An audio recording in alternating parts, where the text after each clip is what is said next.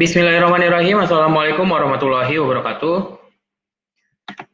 Ya, jumpa lagi di acara PKS Legislative Corner Kota Bogor, membahas isu dari sudut yang pas. Ya, kali ini bersama saya Gunawan sebagai host akan memandu acara pada Rabu sore kali ini. Seperti itu, dengan tema Kupas Tuntas, Rancangan Peraturan Daerah Penyelenggaraan dan Penanganan Kesejahteraan Sosial atau P2KS Kota Bogor yang di mana saat ini raperda tersebut sedang dibahas oleh DPRD Kota Bogor yang akan mengatur terkait dengan pelayanan penyelenggaraan dan juga penanganan kesejahteraan sosial di Kota Bogor sendiri seperti itu. Yang di mana sebenarnya Perda ini merupakan revisi dan juga pembaharuan dari Perda yang dengan tema yang sama yang sudah disahkan pada tahun 2009 seperti itu apakah raperda ini akan memberikan dampak terhadap kesejahteraan sosial warga Kota Bogor ke depannya. Nah, ini kita akan bahas kupas tuntas bersama dengan narasumber kita, yaitu Bapak Haji Muhammad Dodi Hikmawan SE, yang merupakan Ketua Pansus Raperda Penyelenggaraan dan Penanganan Kesejahteraan Sosial, seperti itu. Izinkan saya untuk membacakan CV beliau.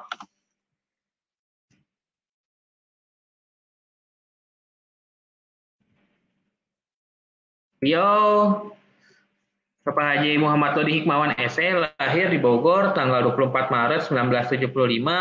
Saat ini di fraksi PKS eh, diamanahkan sebagai wakil ketua fraksi PKS DPRD Kota Bogor, kemudian sebagai anggota Komisi 1 DPRD Kota Bogor, anggota dan juga anggota Badan Kehormatan DPRD Kota Bogor. Dan saat ini di Pansus Raperda terkait dengan penyelenggaraan dan penanganan kesejahteraan sosial diamanahkan sebagai ketua pansus seperti itu. Ya mari kita sapa terlebih dahulu Bapak Dodi Hikmawan. Assalamualaikum Bapak. Waalaikumsalam warahmatullahi wabarakatuh. Alhamdulillah.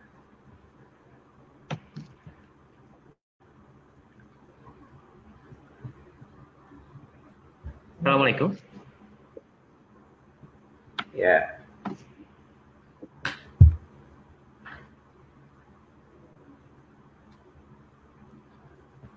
Ya, gimana kabarnya Bapak gimana, Dodi? Iya, Alhamdulillah Kang Gun, baik, sehat. Mudah-mudahan Kang Gun dan kawan-kawan juga sehat walafiat untuk kita bersama-sama memaksimalkan uh, amanah yang diberikan oleh uh, masyarakat kepada kita semua insya Allah. Ya, baik kita langsung masuk saja ya Pak dengan kepada inti ya. pembahasan kita terkait dengan raperda ini. Nah sebenarnya di awal mungkin saya ingin mengulik nih apa urgensinya gitu dari adanya pembentukan perda terkait dengan penyelenggaraan dan penanganan kesejahteraan sosial ini yang sebenarnya sebenarnya kan perda ini sudah ada ya di semenjak tahun 2009 dan kenapa raperda ini dipunculkan kembali untuk dibahas seperti itu.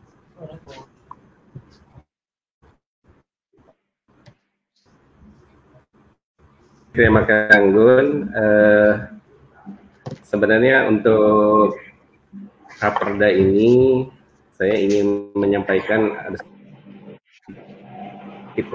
koreksi ya bahwa uh, raperda ini masih dalam pembahasan. Uh, sifatnya mungkin dalam kesempatan hari ini selain menjadi sosialisasi untuk ingin mendapatkan masukan-masukan dari masyarakat terkait dengan uh, raperda penyelenggaraan dan penanganan kesejahteraan sosial.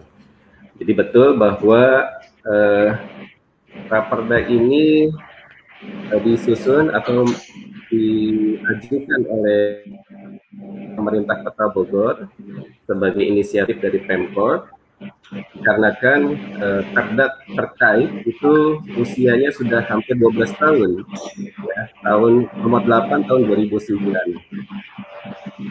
eh, sehingga dengan banyaknya peraturan-peraturan yang terbaru baru tahun 2009 maka perda yang Amin. Yang kedua, tentunya ini menjadi kesempatan bagi pemerintah Kota Bogor, sekaligus melakukan evaluasi, ya, evaluasi terkait dengan penyelenggaraan dan penanganan kesejahteraan sosial selama ini yang dirasakan masih kurang, ada hal-hal yang tidak berjalan ini diharapkan bisa kemudian uh, kita simpulkan Yang ketiga, dari raperda yang uh, kita sedang susun ini semangat dari Pemkot, semangat dari DPRD adalah uh, bahwa permasalahan kesejahteraan sosial itu bukan hanya domainnya uh, dinas sosial, ya. Tetapi kita berharap dengan pembahasan raperda penyelenggaraan dan penanganan kesejahteraan sosial yang sedang berlangsung ini eh, seluruh elemen masyarakat seluruh eh, struktur OPD yang ada di Kota Bogor, baik itu BPBD-nya, dinas kesehatannya, dinas tenaga kerjanya, kemudian juga dinas-dinas yang lain uh, untuk kemudian melakukan hal yang sama dalam rangka penanganan kesejahteraan yang ada di masyarakat. Jadi uh, tiga poin ini uh, ya karena usianya yang sudah 12 tahun banyak sekali masukan-masukan dari peraturan-peraturan yang terbaru. Yang kedua, ini menjadi kesempatan untuk kita mengevaluasi dari yang lama itu untuk lebih baik lagi dan penyelenggaraannya pun lebih baik lagi. Dan yang ketiga, semangat kebersamaan yang dibangun oleh pemerintah Kota Bogor, DPRD, dan seluruh elemen masyarakat untuk mengatasi permasalahan kesejahteraan sosial di Kota Bogor dan menjadi baik lagi. Begitu kan? Ya, baik Pak. Nah, ini tadi menarik nih kan sempat menyinggung ya. Kan ini pada sebelumnya kan sudah berjalan hampir lebih dari 10 tahun gitu Pak. Ya. Nah, sebenarnya ini kondisi terkini ya terkait dengan penyelenggaraan penanganan kesejahteraan sosial di Kota Bogor sendiri itu seperti apa sih Pak kayak gitu?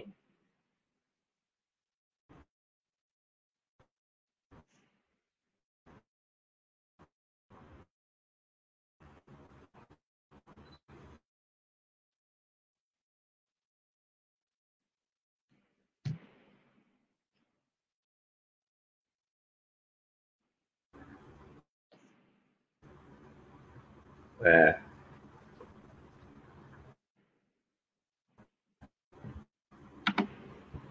Kurang jelas ya tadi ya. Ya Pak, ini udah agak ini tadi sebenarnya emang sedikit agak-agak noise seperti itu. Udah jelas ya. Oke. Okay. Sekarang udah jelas.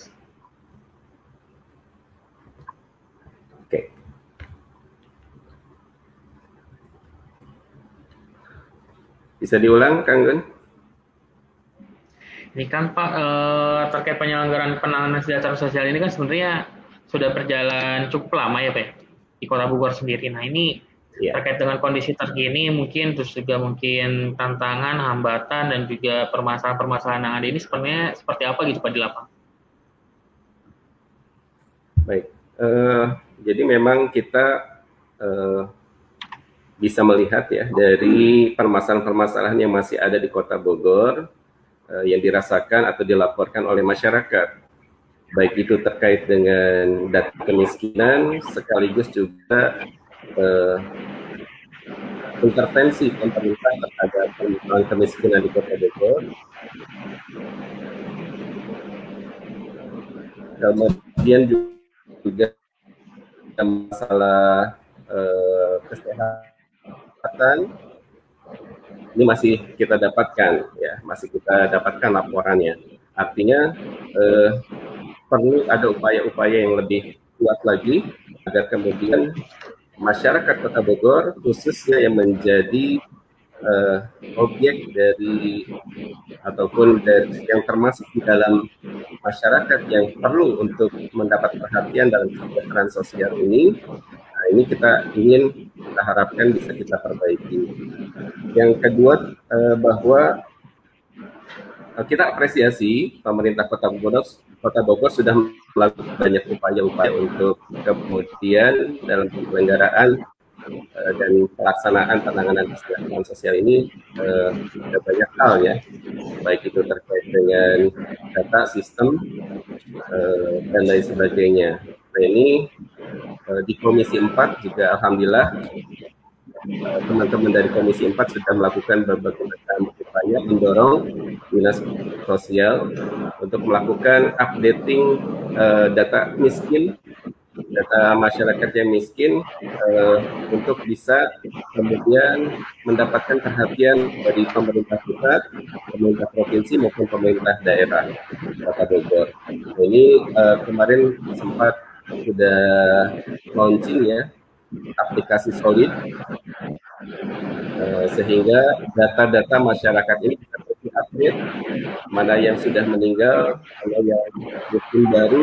Apalagi kita ketahui kan ya uh, dengan pandemi COVID-19 ini tahun 2020 ya, sampai dengan sekarang ini memunculkan data masyarakat miskin baru. Ya. Mereka yang menjadi korban PHK atau usahanya kemudian terkena dampak dan lain sebagainya, tentu ini menjadi uh, masyarakat yang kemudian perlu perhatian karena termasuk di dalam permasalahan kesejahteraan. Ya. Jadi itu kan ya jadi memang langsung dan untuk menangani semuanya tapi kita berharap dengan perda yang susun ini uh, ada kebijakan keterbukaan kemudian partisipasi masyarakat. Partisipasi dari uh, usaha ya perusahaan-perusahaan dan pihak-pihak yang lain yang kemudian bisa bersama-sama untuk mengatasi, menangani masalah kesejahteraan sosial di Kota Bogor ini. Ya, uh, sebelum kita bahas lebih jauh lagi bersama dengan Bapak Dodi Hikmawan terkait dengan raperda penyelenggaraan dan penanganan kesejahteraan sosial ini, mari kita lihat plan berikut ini. Ya, jumpa lagi berkembang kami di PKS Legislative Corner membahas isu dari sudut yang ini kita sedang membahas terkait dengan kupas tuntas raperda penyelenggaraan dan penanganan kesejahteraan sosial bersama dengan Bapak Haji Muhammad Tokdi Hikmawan, Ketua Pansus Raperda Penyelenggaraan dan Penanganan Kesejahteraan Sosial seperti itu. Nah, bagi para pemirsa sekalian yang sedang menyaksikan baik di YouTube maupun di Facebook, jikalau ada yang ingin ditanyakan ataupun menyampaikan aspirasinya terkait dengan temuan-temuan di masyarakat terkait khususnya terkait dengan kesejahteraan sosial ini dapat disampaikan di kolom live chat YouTube ataupun di kolom komentar Facebook seperti itu. Hmm. Ya mungkin kita lanjutkan kembali ya, Bapak. Ya, eh, tadi kan kita sudah membahas ya terkait dengan urgensinya seperti apa, latar belakangnya seperti apa, dan juga kondisi terkininya seperti apa gitu terkait dengan kesejahteraan sosial di Kota Bogor ini seperti itu. Nah, di dalam raperda terbaru ini yang sedang dibahas hal-hal apa saja yang diatur gitu Pak di dalam raperda kesejahteraan sosial ini dan apakah ada muatan-muatan yang dapat dirasakan langsung oleh masyarakat itu sendiri?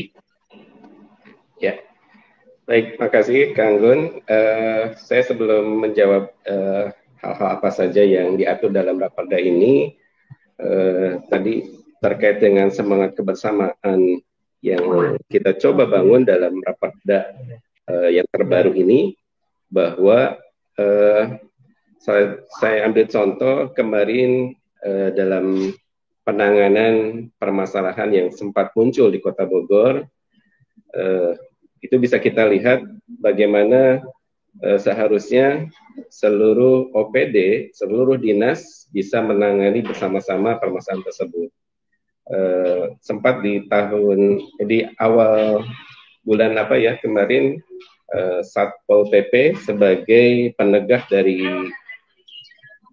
penegak perda di Kota Bogor ya Satpol PP. Nah mereka uh, me, apa, mendapatkan laporan dari masyarakat ada sekelompok pemuda yang kemudian uh, apa menginap ya di hotel di kota Bogor ini yang kemudian uh, bukan suami istri mereka nampak. Nah kita ingin sebenarnya bukan hanya kemudian uh, mereka uh, ditindak dengan hadirnya satpol pp, tetapi juga dinas sosial hadir di sana. Uh, mungkin dinas tenaga kerja juga datang di sana dalam rangka permasalahan uh, yang ada di dalam uh, kasus tersebut bisa ditangani secara bersama-sama ya. Bisa jadi nih, misal mereka melakukan itu karena uh, ingin mendapatkan uang ya. Nah, kita bina, kita kasih pembinaan, kasih, kasih pelatihan sehingga tidak dengan cara yang uh, negatif tapi dengan cara yang positif. Kemudian juga rehabilitasi uh, bisa dilakukan oleh dinas sosial dan lain sebagainya. Nah itu Kanggun ya terkait dengan bagaimana kita membangun uh, uh, kebersamaan bahwa permasalahan kesejahteraan sosial ini tidak di, hanya ditangani oleh satu dinas saja, yaitu dinas sosial tidak, tetapi juga uh, seluruh dinas-dinas yang terkait ya untuk menyelesaikan permasalahan kesejahteraan sosial ini bisa di lakukan secara bersama-sama. Nah, dalam raperda uh, kesejahteraan sosial yang sedang kita bahas ini uh, ada beberapa perubahan ya, perubahan yang kita lihat yang uh, muncul. Yang pertama terkait dengan prioritas ya bahwa prioritas dari masalah sosial ini adalah pada aspek kemiskinan, ketelantaran, kecacatan, keterpencilan, kekurangan sosial, dan penyimpangan perilaku, kemudian eh, korban bencana, juga korban tindak kekerasan, eksploitasi, dan diskriminasi. Nah ini eh, prioritas yang kita lakukan ya untuk permasalahan kesejahteraan sosial yang ada. Yang kedua, ada istilah yang terbaru dalam uh, masalah kesejahteraan sosial ini yang disebut dengan PMKS. Ini objeknya, yaitu penyandang masalah kesejahteraan sosial, PMKS. Nah, teman-teman sekalian, eh, Bapak Ibu sekalian, ada 25 item, 25 uh, penerima manfaat kesejahteraan sosial penyandang masalah kesejahteraan sosial ini. Yang pertama ya adalah anak balita terlantar. Yang kedua anak terlantar. Yang ketiga anak yang berhadapan dengan hukum. Yang keempat anak jalanan. Yang kelima, anak dengan disabilitas atau kecacatan. Yang keenam, anak yang menjadi korban tindak kekerasan. Yang ketujuh, anak yang memerlukan perlindungan khusus. Kedelapan, lanjut usia terlantar. Kesembilan, penyandang disabilitas. Kesepuluh, tunasusila. Sebelas, gelandangan. Dua belas, pengemis. Tiga belas, pemulung 14 kelompok minoritas, 15 bekas warga binaan lembaga permasyarakatan. Ya, yang dari LP, 16 orang dengan HIV, 17 korban penyalahgunaan nafza, kemudian korban trafficking, uh, korban tindak kekerasan, 20 pekerja migran bermasalah sosial, 21 korban bencana alam, 22 korban bencana sosial, kemudian perempuan rawan sosial ekonomi, 24 fakir miskin, dan 25 keluarga bermasalah sosial psikologis. Jadi ada 25 penyandang masalah kesejahteraan sosial yang uh, termasuk di dalam perda ini. Nah, yang berikutnya bahwa tanggung jawab pemerintah Kota Bogor adalah bagaimana mengalokasikan anggaran untuk penyelenggaraan kesejahteraan sosial ya uh, dalam PBD. Yang kedua, melaksanakan penyelenggaraan kesejahteraan sosial di wilayahnya yang bersifat lokal. Dan yang ketiga, memberikan bantuan sosial sebagai stimulan kepada masyarakat yang menyelenggarakan kesejahteraan sosial. Dan uh, Bapak Ibu teman-teman sekalian, uh, dalam rapat kesejahteraan sosial ini juga kita uh, melihat ada keseriusan dari pemerintah Kota Bogor untuk uh, menyebutkan di dalam pasal atau bab terkait dengan data informasi. Nah ini mudah-mudahan uh, tidak ada lagi permasalahan uh, ke depan ya terkait dengan data-data sehingga salah sasaran ataupun yang uh, menjadi penerima pada sesuai sudah wafat sudah tidak ada lagi dan sebagainya. Ya kemarin kita sampai uh, mendapatkan informasi dari Pak Kadis Dinas Sosial Bapak Fakhrudin beliau menyebutkan bahwa uh, tidak kurang 14 miliar ya pemerintah kota Bogor itu membayarkan BPJS PBI setiap bulannya. Nah ini kalau kemudian ada orang yang sudah meninggal lalu dibayarkan ataupun datanya bermasalah, nah ini kan banyak kebocoran tentunya. Oleh karena itu masalah data uh, ini sangat penting untuk kemudian uh, bisa mengefektifkan dan mengefisienkan anggaran pemerintah daerah Kota Bogor. Itu insya Allah. Ya, terima kasih banyak Pak. Nah ini kan sudah sejauh mana nih Pak perkembangan dan juga progres itu dari Raperda P2KS ini gitu, di DPRD Kota Bogor sendiri? Iya, jadi ini uh, pansus P2KS ini kita bentuk ya sejak tanggal 9 Juni 2021 kemudian kita melakukan pendalaman materi eh, ke beberapa tempat eh, pada tanggal 15 Juni dan tanggal 18 Juni. Kemudian kita sudah melakukan rapat rapat ekspos dari dinas sosial sebagai eh, apa yang memiliki domain ya terkait dengan raperda ini pada tanggal 13 Agustus 2021 Kemudian pada tanggal 15 September kita melakukan juga pembahasan dengan seluruh uh, dinas-dinas terkait. Ya kita hadirkan BPBD juga kita hadirkan Satpol PP juga kita hadirkan dinas tenaga kerja kita hadirkan juga uh, bagian hukum dan beberapa uh, dinas yang lain yang kemudian ini menjadi uh, menjadi uh, penguat ya untuk kemudian raperda ini bisa kita bahas secara tuntas. Kemudian pada tanggal 6 September 2021 kita melakukan rapat dengar pendapat.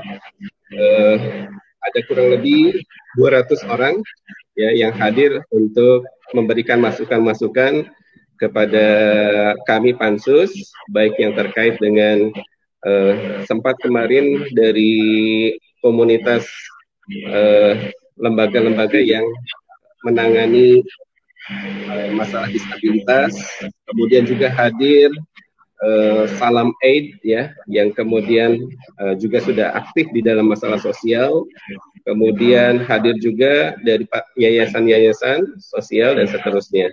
Nah, mereka memberikan masukan-masukan. Nah, mudah-mudahan dalam uh, kesempatan berikutnya kita akan melakukan pembahasan untuk menyempurnakan dari masukan-masukan tersebut dalam raperda draft raperda yang sedang disusun. Kalau kemudian sudah selesai, kita minta untuk kemudian segera oleh bagian hukum untuk uh, mendapatkan fasilitasi dari Gubernur uh, Jawa Barat. Uh, kalau sudah oke, okay, uh, biasanya uh, dari Banmus untuk kemudian di rapat paripurnakan ya uh, setelah rapat paripurna ada ketentuan bahwa dalam enam bulan ke depan kemudian diharapkan bisa hadir perwalinya dan uh, bisa segera dilaksanakan oleh uh, kita semua. Begitu Kang Gun. Nah ini mungkin pertanyaan terakhir Pak. Sebelum nanti dari pemirsa yang sudah mulai muncul pertanyaannya di kolom YouTube terutama yang paling banyak. Uh, harapan Bapak gitu terkait nantinya Perda ini jika lo sudah jadi, ini ke depannya seperti apa gitu Pak dengan adanya Perda ini? Baik, ya.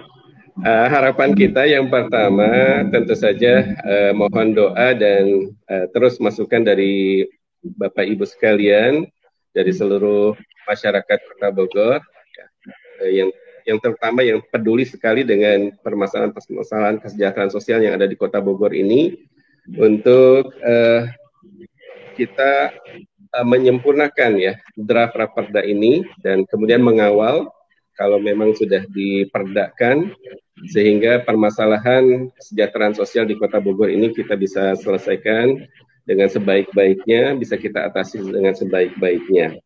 Yang kedua, eh, tentu saja permasalahan kesejahteraan sosial ini akan akan eh, cukup lama ya, dan tidak mungkin juga karena mas, banyak sekali masyarakat yang eh, terdampak apalagi dengan COVID-19 ini, maka tidak mungkin semua bisa dibiayai oleh APBD tidak mungkin juga diselesaikan oleh hanya satu dinas atau uh, pemerintah saja. Diharapkan ada peran serta juga dari masyarakat, peran serta dari dunia usaha, pengusaha-pengusaha, perusahaan-perusahaan, termasuk juga lembaga kesejahteraan sosial, ya, lembaga zakat dan lain sebagainya, yang kemudian dengan kolaborasi dan sinergi kita bisa mengatasi uh, permasalahan kesehatan sosial ini. Kita khawatir ada masyarakat yang sudah berkali-kali mendapatkan perhatian tentang kesejahteraan sosial ini, tetapi ada masyarakat yang lain kemudian tidak mendapatkan perhatian. Mereka mendapatkan berkali-kali dari dinas, dari lembaga sosial, dari yayasan, dari perusahaan, tapi ada satu tempat, satu titik, satu masyarakat, satu warga yang ternyata dia uh, belum sama sekali tersentuh. Nah ini uh, jadi perhatian kita bersama. Mudah-mudahan dengan duduk rembuk dengan para perda yang sedang kita bahas ini kan terima kasih banyak Bapak atas jawabannya ini mungkin sudah banyak ya pertanyaan-pertanyaan yang ada di kolom YouTube terutama. Mungkin operator bisa ditampilkan dari Anin Nindi. Uh, kalau nggak ngasih gimana gitu? Kalau ngasih juga gimana? Jadi serba salah. Ya, saya ngasih atau nggak iya. ngasih. Kami khawatir dari boleh, boleh langsung dijawab. Oke, okay. yang dari Mbak Anan Anita ya. Uh, jadi memang uh, kita melihat di Kota Bogor ini masih muncul eh, masalah-masalah yang tadi demikian dilaporkan. Uh, kita berharap uh, dari pemerintah Kota Bogor melakukan upaya-upaya, uh, termasuk dari uh, dari masyarakat sendiri kita harapkan untuk kemudian tidak tidak memberi ya. Memang serba salah ya, Kang Gun ya. Nggak ngasih gimana, ngasih gimana gitu. Ya, sementara mereka kita lihat secara penampilan uh, memang membutuhkan ya. Tapi kalau kita beri itu membuat kemudian uh, apa situasi dan kondisi di di di jalanan dan lain sebagainya uh, terlihat kurang bagus. Memang ini harus diupayakan semaksimal mungkin. Uh, mereka kita tangani dengan sebaik-baiknya. Uh, kita mendapatkan laporan dari dinas sosial beberapa kali penjaringan itu uh, tidak selalu warga Kota Bogor gitu kan ada juga dari warga masyarakat yang lain nah, ini mungkin kalau ada penertiban kemudian juga pembinaan maka tadi saya sebutkan apa upaya yang dilakukan oleh dinas yang terkait? Ya supaya bukan hanya dikasih ikan tapi dikasih kayunya gitu. Masyarakat yang uh, masih uh, yang apa pengemis tadi disebutkan misalnya fisiknya masih kuat, masih muda, uh, sebenarnya mungkin punya potensi-potensi yang bagaimana kita arahkan, dikasih pelatihan, uh, kemudian syukur-syukur uh, ada apa pemberian modal dan seterusnya sehingga mereka menjadi masyarakat yang berdaya bukan hidup dari mengemis ya. Nah ini uh, permasalahan yang masih terus berlangsung di Kota Bogor ini. Jadi ada satu pertama bagaimana penegakan perdanya ini supaya terus bisa berjalan. Satpol PP uh, berpatroli untuk melihat jangan sampai di di mana di jalanan ini muncul Kemudian tapi juga kalau terjadi eh, dilakukan secara manusiawi untuk kemudian dilakukan pembinaan dan tadi eh, ada pembekalan-pembekalan yang kemudian mereka bisa menghidupi dirinya secara mandiri, tidak hidup dari mengemis. Mudah-mudahan itu Kanggun ya dan Ibu Nita. Ya, ini mungkin ada pertanyaan terkait juga nih Pak dari Pak Indra Agung ini kami khawatir dengan kondisi anak-anak terlantar di jalanan, Pak. Mereka yang dipaksa untuk bekerja dan mengemis. Apakah ada rumah singgah bagi anak-anak seperti ini? Ah, ya. Ya, terima kasih. Jadi, uh, memang seba sebaiknya ada ada di setiap daerah itu uh, rumah singgah ya, rumah singgah. Dan Kota Bogor sendiri punya tetapi uh, sangat terbatas ya sangat terbatas. Kalau tidak salah hanya untuk uh, kapasitas 10 orang kalau tidak salah ya 10 orang. Kemudian juga hanya dianggarkan untuk uh, lima hari ya lima hari. Jadi uh, beberapa kasus uh, yang terjaring seperti itu kemudian dikembalikan ya kerjasama dengan uh, kalau di, di, diketahui ya bahwa data ternyata dia adalah warga uh, kabupaten atau warga Sukabumi, warga Cianjur dan sebagainya, uh, itu di, di diantarkan ya sampai ke rumahnya kembali. Nah, jadi ada cuma terbatas gitu Kang Gun untuk Kota Bogor ya. Untuk Kota Bogor. Mungkin juga di beberapa wilayah juga seperti itu uh, penampungannya ataupun rumah singgahnya uh, tidak tidak tidak banyak lah hanya beberapa uh, ruangan atau beberapa orang saja kapasitasnya uh, tapi diharapkan kemudian itu menjadi solusi sementara kemudian bisa langsung diantarkan ke rumah aslinya begitu Kang. Ya terima kasih banyak Bapak. Ini mungkin ada pertanyaan kembali dari operator yang bisa dimunculkan.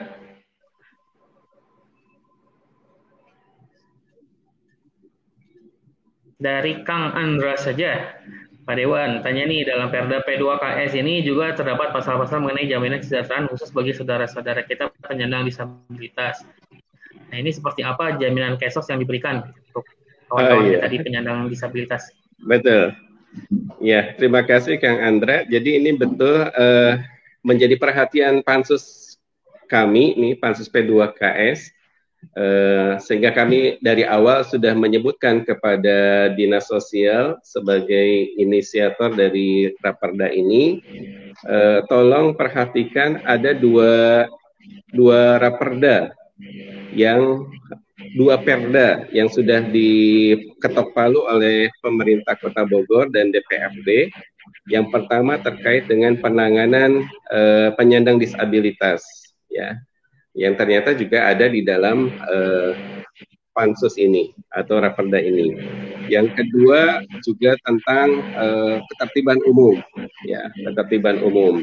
Uh, ini uh, malah ada yang ketiga nih kemungkinan kalau kemudian uh, pansus mas santunan kematian ya santunan kematian uh, yang dalam prosesnya kemarin sempat ditolak oleh Gubernur Jawa Barat.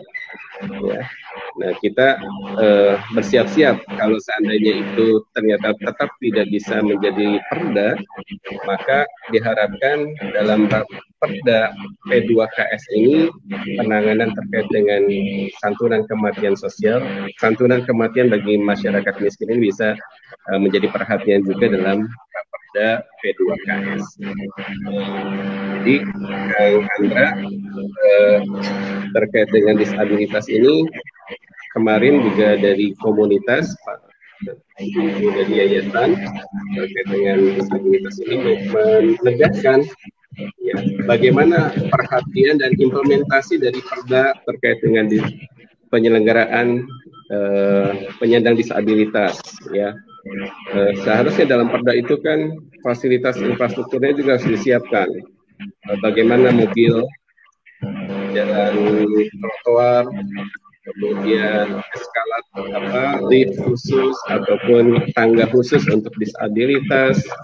Eh, termasuk harapannya adalah bagi masyarakat miskin yang membutuhkan alat ya alat bantu.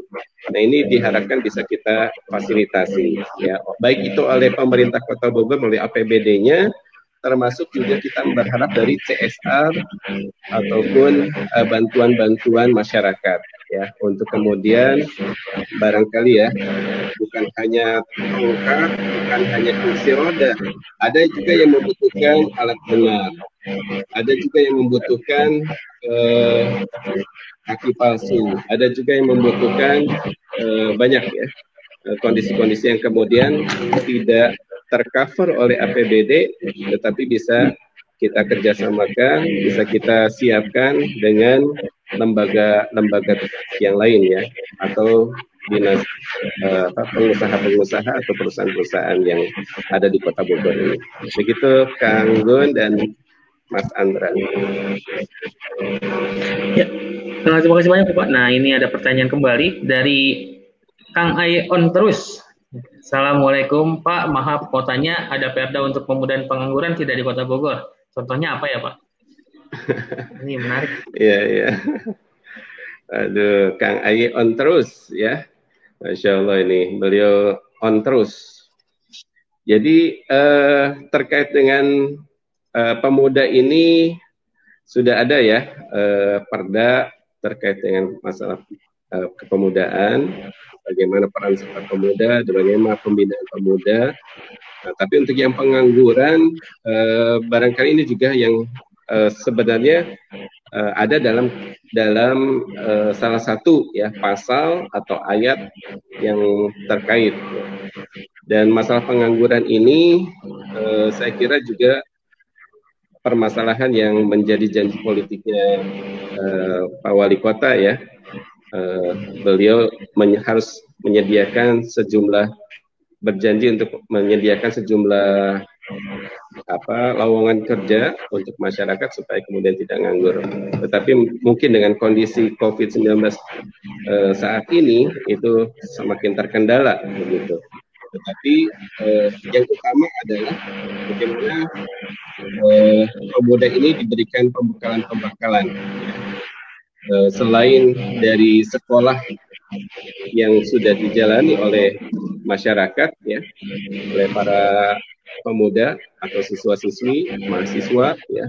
Mereka dibekali dengan ilmu-ilmu pengetahuan skill life skill kemudian juga eh, apa pembekalan-pembekalan yang lain keahlian-keahlian yang lain masalah komputer desain mungkin sablon ataupun sekarang digital ya. Itu uh, menjadi solusi untuk kemudian mereka bisa uh, bekerja atau menghasilkan ya dari skill yang dimiliki. Jadi Kang Aye kita uh, akan coba terus dorong ya pemerintah Kota Bogor melakukan upaya-upaya pembekalan kepada para pemuda agar bisa kreatif, semakin kreatif, semakin memiliki skill untuk uh, mengisi uh, setiap lapangan pekerjaan ataupun uh, melakukan ya uh, apa entrepreneur ya membangun usaha sendiri insya Allah. Ya, uh, mungkin dari operator ada yang bisa dimunculkan kembali. Ini dari Bu Nunung Nurjana. Ada juga kok masalah kayak HIV atau AIDS. Itu gimana solusinya? Kita bisa jaring orang dengan HIV atau AIDS tersebut, Pak? Betul, Masya Allah. Ini Ibu Nunung ya. Uh, terima kasih Bu Nunung. Jadi memang kita uh, kemarin juga dihadiri dalam rapat dengan pendapat dari KPAD ya, Komisi Pemberantasan AIDS di Kota Bogor, daerah Kota Bogor.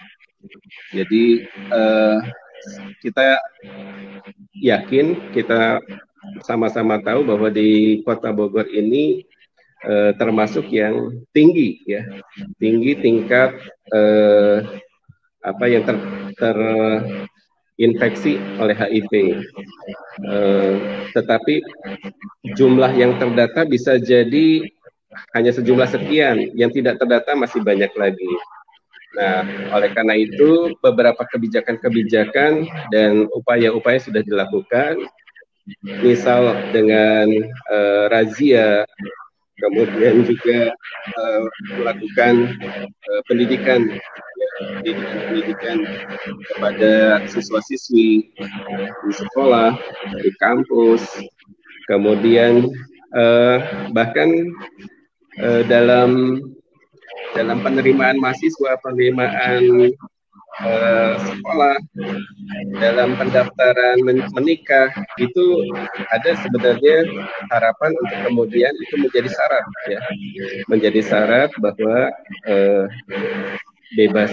Ataupun untuk yang HIV itu terdeteksi. Jadi masalahnya bukan bukan untuk memarginalkan bukan. Tetapi untuk mengidentifikasi dan kemudian melakukan upaya-upaya. Bagi mereka yang memang kedapatan terinfeksi HIV kita harapkan ada penanganan secara serius uh, untuk me mengatasi ya mengatasi jangan sampai menularkan dan jangan sampai juga kemudian uh, apa yang bersangkutan ter termarginalkan. Ya tetap mereka punya hak untuk belajar mereka punya hak untuk bekerja mereka punya hak untuk hidup ya. Dan kita bisa berdampingan tentunya dengan uh, dengan apa upaya-upaya pencegahan-pencegahan yang maksimal. Begitu Kang Gun dan Bu Nunung, terima kasih. Ya, ini mungkin pertanyaan terakhir nih Pak dari Bu Febri Nur ini terkait yeah. tukang parkir yang hampir ada di setiap titik kota Bogor. Wah, ini menarik nih. terkait parkir. Apakah mereka bisa dikelola oleh dinas terkait, Pak? Bukankah kita sudah membayar biaya parkir kendaraan di tiap tahunnya? Iya. Yeah. Mbak Febri ya, ini luar biasa perhatiannya. Ini memang ini numpang yeah. berhenti doang 2000 dikasih. Iya. Bahkan ini uh, pada periode-periode yang lalu sempat terpikir supaya perparkiran ini eh, menjadi BUMD atau semacam itulah ya pengelolaan secara profesional oleh pemerintah Kota Bogor ya parkirnya maupun tukang parkirnya begitu eh, supaya lebih tertib supaya lebih rapi supaya eh, jadi PAD juga begitu tetapi ternyata di lapangan kita masih dapatkan eh, di belum ya belum tertata secara baik begitu. Uh, ya mereka tentunya melakukan menjadi tukang parkir bukan pilihan ya, tetapi terpaksa untuk kemudian uh, apa menyambung hidup begitu. Tapi ini menjadi uh, catatan buat buat kami P2KS, P2KS untuk lebih serius nih. Bagaimana kemudian eh, masalah perparkiran ini bisa dijadikan sebagai eh, permasalahan yang dikaji kemudian dilakukan upaya-upaya lebih baik lagi ya, ditata kemudian itu juga kalaupun uh, tukang parkir bisa direkrut bisa lebih profesional ya. Bukan hanya uh, mengatur tapi juga menjaga bagaimana juga melayani ya. Sehingga masyarakat ketika membayar itu dengan sebuah keikhlasan, ketenangan ya, puas dengan pelayanannya. Mudah-mudahan itu Kang Gun dan Mbak Febri. Ya, ini mungkin pertanyaan terakhir Pak, karena sudah tidak ada lagi sepertinya seperti itu. Ya mungkin ada closing statement dari Bapak ya. untuk sebelum menutup acara ini. Baik, uh, Bapak Ibu dan teman-teman sekalian, uh, kita bersyukur bahwa pemerintah Kota Bogor dan DPRD sudah melakukan upaya untuk menyusun perda tentang penyelenggaraan dan penanggulangan kesejahteraan sosial. Dan saya sebagai ketua pansus meminta doa dan dukungan Bapak Ibu sekalian, akan kita semua agar dalam proses penyusunannya, pembahasannya uh, ini bisa kemudian dimudahkan, dilancarkan dan nantinya di saat kemudian raperda ini disahkan menjadi perda, kemudian diikuti oleh perwali, kemudian dalam pelaksanaannya ini bisa secara uh, baik implementasinya sehingga sedikit demi sedikit permasalahan kemiskinan di Kota Bogor uh, semakin menurun. Bahkan uh, kita ingat ya bagaimana ada satu zaman di mana uh, ternyata malah uh, pemimpinnya yang yang yang lebih miskin dibandingkan masyarakatnya itu masya Allah ya, biasa sempat terjadi di zaman ya. Nah ini uh, luar biasa. Yang kedua, Bapak Ibu sekalian, karena permasalahan kesejahteraan sosial ini sangat luas, sangat banyak, dan eh, apa akan terus menerus, maka peran aktif dari semua pihak diharapkan. Ya. Bapak Ibu akan PT, saya juga di DPRD, kemudian semua dinas, para ASN, ya, Polri, uh, eh, TNI ya kita bersama-sama untuk uh, berperan aktif dalam penyelenggaraan dari uh, penanganan kesejahteraan sosial ini termasuk dunia usaha ya dunia usaha bagaimana mereka bukan hanya mendapatkan keuntungan dari masyarakat Kota Bogor tapi juga kita harapkan ada kontribusinya secara khusus untuk mengatasi masalah kesejahteraan sosial. Yang ketiga eh, pandemi COVID-19 ini kita masih belum tahu sampai kapan Kang Gun ya oleh karena itu, kita sukseskan vaksinasi, kita tetap jaga protokol kesehatan, sehingga kita harapkan pandemi COVID-19 ini bisa segera berakhir. Karena kalau ini terus berlangsung, bukan hanya uh, dunia usaha, bukan hanya uh, perekonomian, yang akhirnya juga pada uh, akan berdampak pada masyarakat. Banyak masyarakat-masyarakat miskin baru tentu ini akan semakin berat kalau kita uh, tidak serius untuk menghadapi COVID-19 ini dengan sebaik-baiknya. Silakan datangi uh, kelurahan ataupun sentra-sentra vaksinasi massal di Kota Bogor, di Momo dan lain sebagainya, termasuk di 315, di Auri, di uh, beberapa dinas ya. Kemudian yang keempat, Bapak Ibu sekalian, ini Kota Bogor juga akhir-akhir ini menghadapi cuaca ekstrim. Beberapa titik kemarin sudah kejadian angin puting beliung, ya, hujan deras, uh, sehingga banyak rumah yang hancur dan sebagainya. Ini juga salah satu yang uh, menjadi poin ya dari penyandang masalah kesejahteraan sosial terkena bencana. Nah, kita berharap uh, warga masyarakat Kota Bogor terus waspada, para pengurus RT RW, LPM, Bapak Lurah, Bapak Camat, ya, untuk kemudian BPBD juga ya mengantisipasi terutama titik-titik rawan di Kota Bogor, daerah lereng-lereng ya yang, ada di pinggiran kali, kemudian juga eh, yang apa daerah yang mungkin eh, sering kali kena angin eh, kencang ya. Ini dan termasuk yang pohon-pohon besar ya pohon-pohon besar. Saya sempat kemarin sampaikan kepada dinas pertamanan untuk mengantisipasi.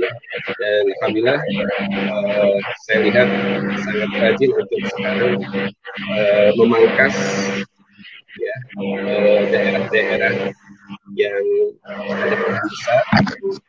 Sangat rawan kemudian dalam cuaca ekstrim angin itu akan membuat uh, apa rubuh ataupun patah ya sehingga mengkhawatirkan untuk menjadi korban jiwa di saat itu. Baik, itu mungkin uh, Kang Gun ya jadi empat poin. Satu mohon doanya, kedua peran aktif kita semua, yang ketiga kita bersama-sama hadapi COVID-19 dengan sebaik-baiknya dengan cara vaksinasi dan protokol kesehatan. Yang keempat, kita waspadai cuaca ekstrim di akhir-akhir ini dengan uh, apa persiapan-persiapan antisipasi-antisipasi yang dilakukan. Mudah-mudahan masyarakat Kota Bogor semuanya sehat walafiat. Kita bisa naik level lagi dari level 2 ke level 1 bahkan terus akan menjadi zero kasus Terima kasih, salam sehat. Assalamualaikum warahmatullahi wabarakatuh.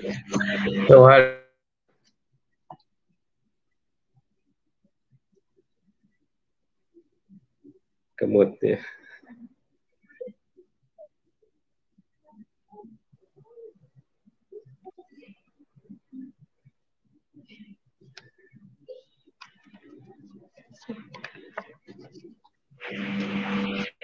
Ya, terima kasih banyak kepada Bapak Dodi Kawan yang telah bersedia berbagi bersama kita ya terkait dengan raperda penyelenggaraan dan penanganan kesejahteraan sosial ini.